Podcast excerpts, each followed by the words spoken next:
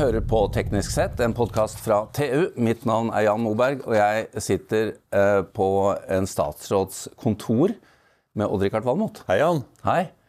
Du, eh, vi er jo veldig opptatt av dette norske produktet vårt, denne Nomonoen som vi bruker til podkast. Ja, og Remarkable som vi skriver på, og Ja, men nå tenker jeg på den, Ja. for i dag skal vi få teste hvor mange ord den kan ta imot i løpet av kort tid. Det blir ny rekord. Jeg er helt sikker på at det blir ny rekord. Kontoret til næringsministeren, Jan Christian Vestre, takk for at du tok imot oss. Det er veldig hyggelig å ha dere her. Jeg går på kurs for å lære meg å snakke saktere, så det er ikke sikkert at vi setter noen rekorder i dag. Vi får se. Spørs hvor engasjerte vi blir, gutter. Men vi har mye å snakke om, og du har mye du skal gjøre, og det har vi jo for så vidt. Men først må jeg bare stille deg spørsmålet. Hva er det vanskeligste med å være næringsminister i vår tid? Vi, er, vi lever jo i en helt vanvittig tid. Ja, jeg tror kanskje det er stikkordet. Fordi at vi skal gjennom en så stor og fundamental omstilling av hele økonomien, og vi har såpass dårlig tid å gjøre det på. Det er ikke lenger business as usual. Så det å finne de riktige virkemidlene, være villig til å ta tilstrekkelig, men ikke for mye risiko, og mobilisere all den endringskraften som er i samfunnet på en best mulig og lønnsom måte, det tror jeg er den største utfordringen. Ja, Det er mye, da. Ja, det er mye, men det er utrolig gøy. Jeg elsker jobben min og gleder meg til å gå på jobb hver eneste dag. Ja, det, Men det, er, men det er litt sånn olje as usual, er det ikke? Om det er litt Olje og gass er usual. Ja, det går jo godt i olje og gass nå, og det er jo bra for europeisk energisikkerhet, og med det også europeisk stabilitet. At vi er en, eh, en reliable partner på, på gass. Og så er gass bra når det erstatter kull i Europa, for da reduserer vi utslippene. Men for klimaet sin del så får vi jo håpe at overgangen til fornybar skjer så fort som mulig. Og det er lyspunkter, dere. Nå så jeg at Bloomberg skrev at for første gang i øh, menneskehetens historie får vi si, så investeres det nå mer i fornybar energi Ja. enn i fossil energi. Ja. Så det, og det er en historisk milepæl. De kurvene har nærma seg hverandre lenge. Ja. Men Nå men nå har fornybar gått forbi. Ja. Og husk at det også skjer i en tid med krig i Europa og stor energiusikkerhet. Og i en tid der vi også dessverre ser at enkelte land sakker ned på klimaomstillingsambisjonene når de egentlig burde ha stramma dem til. Ja da, og enkelte land leter etter stadig mer fossilressurser. Men det, det kan vi komme tilbake til. Eh, eh, vi får jo ofte i Teknisk Ukeblad får vi mye spørsmål fra når vi er ute i bedrifter og sånn. Og et spørsmål som kommer igjen i gang eh, etter gang, det er at det gis ofte støtte til piloter for å sette i gang nye ting. Mange av de miljøene og satsingene som får slik støtte, de syns jo det er bra. Men de opplever ikke at det blir fulgt opp slik at du får bygd industrier eller bygge bedrifter. Hvor står vi der? Du, ser du utfordringen? Ja, jeg gjør det, men så må vi jo da ta diskusjonen om hva er staten og med det skattebetalernes rolle i en, en fri blandingsøkonomi. Jeg mener jo at staten bør bidra mer i å utvikle teknologi. Vi bør bidra mer i å korrigere typiske markedssvikter. Eh, Vi bør bidra til å bygge helhetlige verdikjeder for de nye grønne næringene våre. Men vi kommer jo også til et tidspunkt hvor det er private investorer som i størst grad kan vurdere hvilke private prosjekter som bør realiseres, altså hva det er mulig å tjene penger på og ikke. Og hvis staten tar en for stor rolle der og avlaster for mye risiko på det som bør være privat kapitals oppgave, så kan vi risikere å finansiere dårligere prosjekter. Og nå er det mange land som er med i statsstøttekappløp. Jeg har sagt over lang tid, egentlig helt fra jeg ble næringsminister, at målet mitt er ikke å mobilisere mest mulig statlig kapital, det er å mobilisere mest mulig privat kapital. Da må vi legge rammebetingelsene til rette for det. Men vi skal være litt obs, for det er mange nå som rekker opp hånda og vil ha mer statsstøtte. Og det er ikke sikkert at det er i, i nasjonens interesse, og det er ikke sikkert at det gir oss de, de beste og mest kostnadseffektive prosjektene heller. Så jeg er positiv, men vi må gjøre det på den norske måten. Og da vi la fram Grønt industriløft 2.0 nå nettopp, og et historisk løft på statlige kapitalvirkemidler, vi skal nå investere 15 milliarder i grønn industri, så er jo det at staten kan være med som medinvestor på helt kommersielle vilkår og på forretningsmessig vurderingsbakgrunn. Og det er jo nettopp for å imøtekomme litt av den kritikken som har vært reist på at vi er flinke med piloter i Norge, men nå må vi også bidra til å industrialisere, og det skal vi være med på, men på en nøktern og en norsk og ordentlig måte. Men det fordrer kanskje at vi konsentrerer oss litt om et, et utvalg av uh, satsinger og da, ikke gå for bredt ut? Ja, og Grønt industriløft er jo en satsing på ni verdikjeder, ikke enkeltbedrifter. Det er ikke næringspolitikkens rolle å peke på den enkelte eller sette ulike teknologier opp mot hverandre og bestemme hvem som skal få støtte. Det må være fri konkurranse, men vi peker jo på ni eh, breie verdikjeder. Hydrogen, batterier, karbonfangst og -lagring, prosessindustri, maritim industri. Eh, havvind, eh, skog, treforedling, bioøkonomi, solindustrien og også manufacturing, prosessindustrien. Og Det er ni verdikjeder som er drevet av global etterspørsel. Så det er ikke noe vi på en måte finner opp for å lage arbeidsplasser, men det er Det er der allerede? Ja, det er pull i markedet.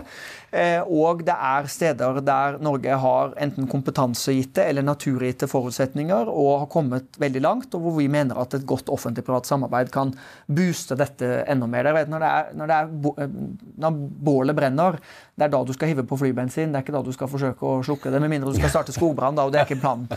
Eh, så, så, nå har vi moment, og da mener vi at nå må vi satse. Bioflybensin, håper jeg. Men du, veldig, ja, veldig mye av det du nevnte nå krever jo kraft. Og, og krafta i Norge har jo på en måte, ny kraft har jo på en måte blitt jaga til havs. Uh, men er det nok? Blir det, blir det rimelig nok tidsnok, eller må vi tenke også annen kraft? Og jeg, altså Den landbaserte vindsatsinga er preget av veldig mye sånn ja, nei, vi må gjøre som alle andre sier, og vi må dekke alle behov. Må det ikke litt hardt har i klypa til snart? Og det gjelder også gruvedriften, ikke sant? Ja. Uh, ja, det, det, det, er et veldig bra spørsmål, og det er jo et sånt dilemma vi står i. Altså Punkt én. Norge har jo bygget hele vår industrireising de siste 100 årene på tilgang til ren og rimelig fornybar energi. Mm. Og nå står vi i en situasjon hvor vi må si nei til industriprosjekter fordi vi ikke har nok grønne elektroner. Jeg har jo fått åpnet meg om min entusiasme og kjærlighet til Sam Eide i Teknisk Ukeblad før, ja. så jeg skal ikke gjenta alt det. Men, det men, men, men han hadde vridd seg i grava hvis han hadde hørt hvordan det var i Norge nå. At vi ikke har vi elektroner ja. å sette i produksjon. Og det må mange regjeringer over tid ta ansvar for. Vi forsøker å gjøre noe med det nå. Punkt to vi må ikke gifte oss med bare én eh, fornybar del. Vi trenger et mangfold. Du har helt rett i det. Hovedsatsinga vår er jo havvind. Gjennom de neste to tiårene skal vi doble norsk kraftproduksjon. Mm. Gjennom en storstilt utbygging, 30 eh, gigawatt, det er om lag 1500 flytende havvindturbiner. Nå er det dyrt og ganske komplisert, men det er fordi vi så langt de siste 30 årene har realisert 13 flytende havvindturbiner i Norge, og alle skjønner at når du er på nybegynnerstadiet, så er det dyrt og vanskelig. Mm. Jeg er stor fan også av norsk oljehistorie. Når dere ser de første bildene av Ocean Viking, som fant mm. Ekofisk, som ja. Philips brukte Det er jo steinaldersk i dag, og man blir jo rent sjarmert av hvordan det så ut. Det er litt sånn Petter Smart-plattform, og så vet du at 50 år etterpå så lager vi nå subsea-installasjoner. Vi opererer fjernstyrte eh, oljeinstallasjoner på 3000-4000 meters dyp uten utslipp. Høyteknologisk. Mest bærekraftig i verden. Så vi må jo tro på teknologiutvikling, og at når vi kommer i gang, så går prisene ned, lønnsomheten går opp, og vi blir mer effektive. Så har vi åpna for vindkraft på land igjen, der hvor det har lokal tilslutning. Det skal være i tråd med folkeretten. Vi skal ikke ha flere Fosen-dommer. Vi kan ikke påtvinge vindkraft på land til lokalbefolkning som ikke ønsker det. Og vi vil at en større del av inntektene skal komme lokalsamfunnet til gode. Så kan vi bygge ut mer sol i Norge, og vi kan oppgradere vannkraftverk i Norge, og vi kan energieffektivisere. Så målet vårt er jo at vi skal ha vedvarende høye kraftoverskudd. Det vil dempe prissmitten fra Europa, og det skal være nok elektroner til at vi kan også bygge ny industri etter hvert som aktiviteten i olje og gass går ned. Bare kjapt på vind på land. Opplever dere at, eh, at denne tydeligheten på lokal uh, medeierskap? At det, at det har begynt å skje noe? Det er både òg, for nå har vi nettopp hatt et lokalvalg. Ja. Og vi har jo kommuner der eh, politikere har gått til valg på mer vindkraft og har gjort det, eh, gjort det, bra. Eh, men vi har jo også steder, la oss ta Grenland, Porsgrunn og Skien, som jo begge nå har et prinsippvedtak fattet at det ikke skal åpnes for vindkraftprosjekter denne fireårsperioden. Og det er altså da i industriregionen Grenland. Ja. Som er helt sentral i norsk mm. industrihistorie og norsk industriutvikling. Og jeg ser jo at industriaktørene og lederne for industribedriftene nå er, fra seg av misnøye for det. Men vi må jo også da ta på alvor det, den folkelige motstanden det der er. Og vi kan ikke da si at folk tar feil og, og, og tvinge beslutninger over hodene deres. Da må vi ha bedre prosesser som gjør folk tryggere på at dette er riktig å gjøre. Og det er gjort noen feil i vindkraftutbygginger som jeg tror vi bare må erkjenne og si at ok, da får vi gjøre det bedre neste gang. Men jeg tror det store løftet på fornybar energi i Norge, det vil komme til havs, ikke på land. Men du, du nevnte at uh, altså masseproduksjon senker prisene. Det har, har jo skjedd. Uh, hva med kjernekraft? Altså, vi er, vi er på Du skjønner, vi, er, vi får ikke en podkast uten kjernekraft. Nei, nei, vi, er, vi er helt i starten på altså, små modulære kjernekraftverk. Mm. Danskene utvikler De har to uh, bedrifter i gang. Sverige har de nettopp sagt at de skal satse massivt på det. De har også satser også på små modulære.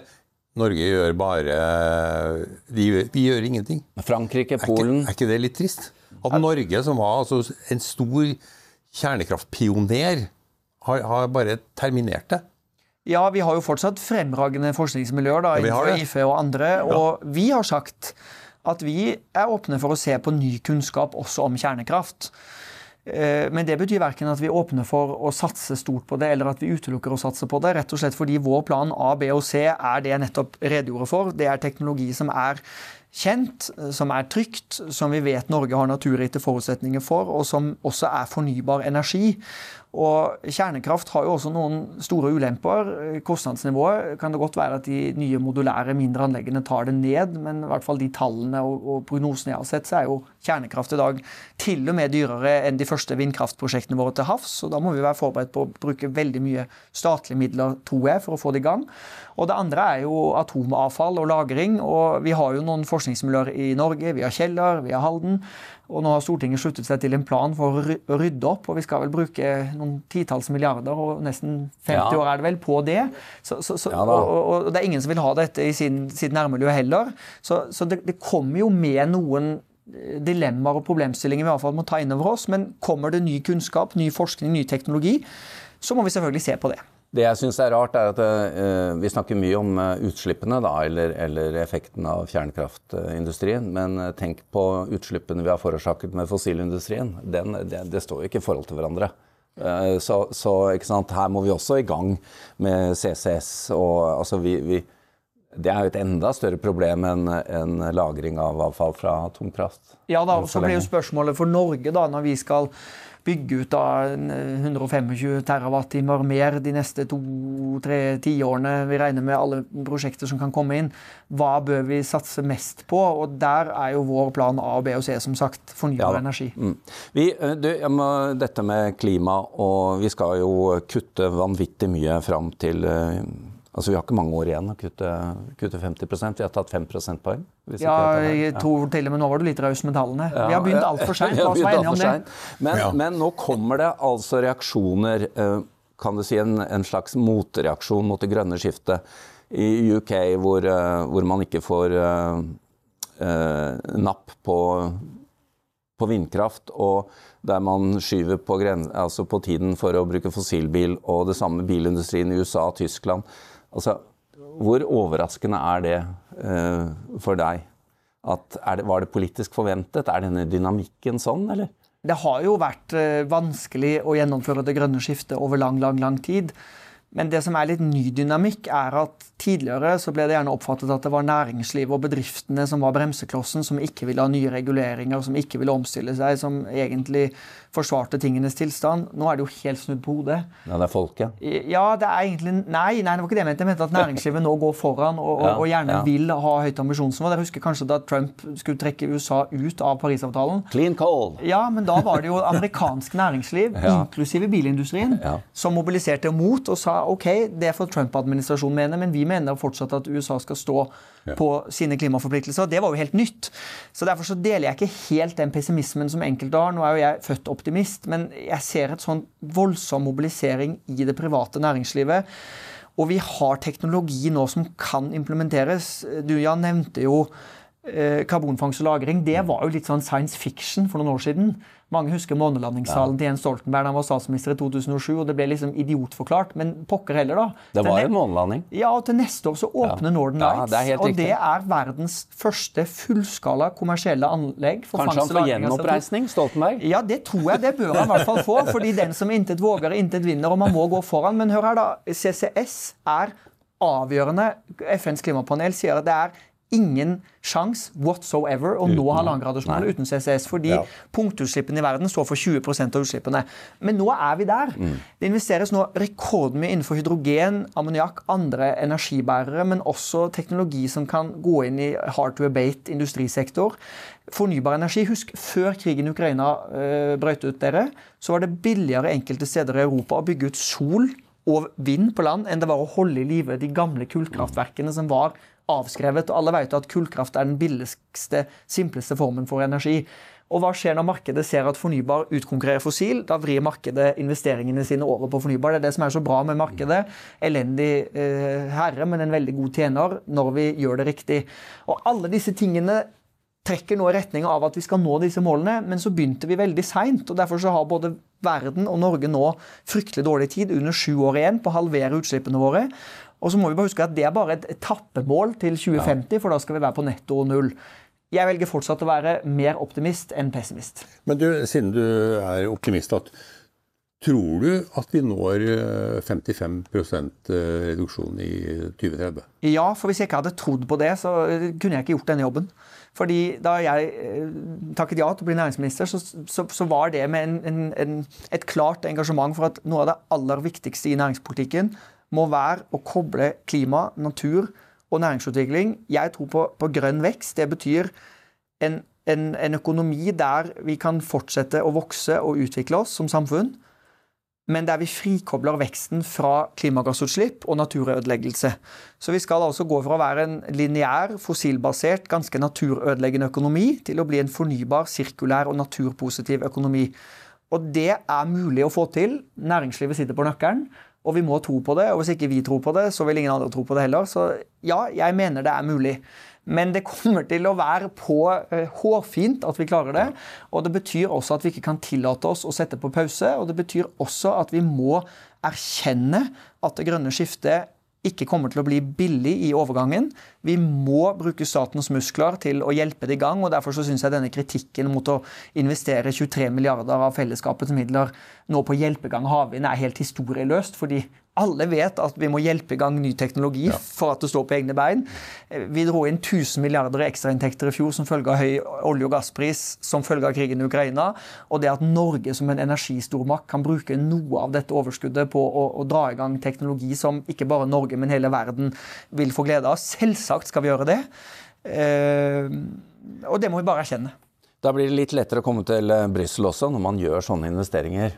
Ja, og vi jobber jo veldig tett i, ja. med EU i Green Alliance. Ja, fordi eh, nå går jo tiden veldig fort her, og vi får, vi får heller lage en episode to en gang. Men, men, vi må snakke litt om Inflation Reduction Act, altså USA og IRA. Det, det er jo litt sånn støvsuger på Europa, dette her. Hvordan Altså dette grønne Dette nye løftet som dere annonserte for, for en uke siden. Er det nok til å stå imot? Eh, sørger vi for at ikke enda flere norske batterifabrikker og industrietableringer ender i USA? Altså med ting som skulle vært planlagt, eller som var planlagt for Norge, havner nå over Atlanterhavet. Det er jo litt dumt. Det er bra at USA går foran, men Ja, det var viktig du sa det andre, ja. da. fordi at endelig så har jo USA våkna opp. Og det som er bra med Inflation Reduction Act, er jo at det vil kunne bidra til å kutte 40% av amerikanske utslipp. Og det vil også skape jobber og bidra til sosial utjevning i verdens største økonomi. Og det er også bra for stabiliteten i, i verden. Så, så heia USA som gjør det. Og så må vi huske på at Norge er en liten, åpen økonomi. Vi er 5,5 millioner innbyggere. Vi kan ikke bygge alle verdens batterifabrikker det er begrensninger i kapasiteten i norsk økonomi, så vi må bare erkjenne at det skal investeres stort i USA, i Europa, i Asia og i Norge. Og Derfor så må ikke vi nå redusere dette til et sånt eh, regnestykke på til, til hvor mange fabrikker bygges i hvilke land, fordi det skal bygges overalt. Og eh, Europa har jo estimert at etterspørselen globalt etter batterier, f.eks., som en grønn energibærer, vil 20-doble seg fram til 2030. og Det betyr at det skal bygges veldig mange gigafabrikker rundt omkring på kontinentene. og Alle de kan ikke bygges i Norge, og alle de kan ikke bygges i Europa. Men så er vi opptatt av at det skal være konkurransedyktige vilkår i Norge. Vi begynte å avskaffe produksjonssubsidier i Norge på 70-tallet. Det var det faktisk Arbeiderpartiet i regjering som gjorde. Vi har ikke tenkt til å innføre generelle produksjonssubsidier igjen. Det var en god grunn til at vi fjernet det. Det bidro ikke til lønnsom næringsutvikling over tid. Men det vi derimot har sagt, er at vi kan være med på å ta mer av risikoen på banebrytende teknologiutvikling. Derfor investerer vi nå en milliard i det innenfor batterinæringen. Og vi kan også være med å risikoavlaste mer på Capex, altså investeringene. Først og fremst da på markedsmessige låneordninger, garantier, men også nå at vi gjør en historisk opptrapping av kapitalvirkemidlene Nysnø og Siva, som gjør at vi kan være med som medinvestor sammen med mm. private for å få realisert disse prosjektene i Norge. Og det sammen med at vi har verdensledende ingeniører og fagarbeidere, ren og rimelig fornybar energi energi, 100-årig kompetanse med prosessindustri, gode eh, handelsavtaler, arealer, eh, kjent for bærekraft, en teknologiorientert, omstillingsdyktig befolkning, høy produktivitet i, i, i arbeidsflokken vår. Alt det mener jeg er rammebetingelser som jeg tror private investorer legger på bordet når de nå vurderer hvor de kan få god ROI return on investment. ROI, som vi kaller det. Ja, det og når du ser da på batteriindustrien f.eks. Jeg får jo av og til kritikk for at vi gir for mye penger til dem, men, men det tror jeg er en misforståelse. fordi vi har gitt noen hundre millioner i tilskudd til batterinæringen, og så har vi eh, indikert eh, statsgarantier og lån på fire milliarder. Men det har også mobilisert de siste to-tre årene 17-18 milliarder i private investeringer i batterinæringen. Så det å bygge batterinæring i Norge er ikke skattebetalerne som gjør. Det er privat kapital, norske og utenlandske investorer, som kommer hit fordi de ser at det er gode rammebetingelser. Vi, vi, eh, må avslutte, for du skal også videre. Bare hvis du klarer å fatte deg kort. Kunstig intelligens, hvor kommer det inn i bildet? Det kommer inn i bildet overalt. Når vi skal fornye, forsterke og forbedre offentlig sektor, fornye velferdstjenestene våre. Vi mangler arbeidskraft i Norge. Da må vi løse ting på smartere måter. Jeg tror vi kommer til å se en positiv revolusjon med, med KI i, i all tjenesteyting. Og så vil det selvfølgelig være avgjørende for norsk industri og hele norsk næringsliv, fordi vi kan ikke konkurrere om å være billigst. Vi har høy arbeidstimekost, og det er fordi vi har verdens beste velferdsstat. Men da må vi også få mer ut av ressursene, og alt det vi kan bruke teknologi og digitalisering til, robotisering, tingenes internett og KI, vil bare være en oppside. Og vi er gode på teknologi i Norge, så la oss bli enda bedre. Og det inviterer vi hele næringslivet med på. En skikkelig innsats for eh, Industri 4.0. Kanskje noen av de som har flyttet til Sveits, flytter hjem igjen? Jeg håper at alle de som har kapital, vil bo i Norge. Og fra meg er det bare hjertelig velkommen tilbake igjen. Og hvis det er ting vi kan diskutere for norske rammebetingelser som gjør det enda mer attraktivt å være i Norge, så eh, ta kontakt med meg. Heia jobbskaperne, og vekstskaperne. Det er de som gjør at vi har en velferdsstat. Takk. Strålende. Odd-Rikard, ble du klokere? Nei, men vi har, vi har satt ny ordrekord, det er jeg helt sikker på det. Må, hvis du går på kurs for å snakke saktere, så må du få igjen de pengene. Altså. Ja, Kristian Wisse, tusen takk til deg. Uh, veldig spennende. Takk for at du tok deg tid. Takk til uh, Odd-Rikard, vår produsent Sebastian Hagmo, og mitt navn er Jan Moberg.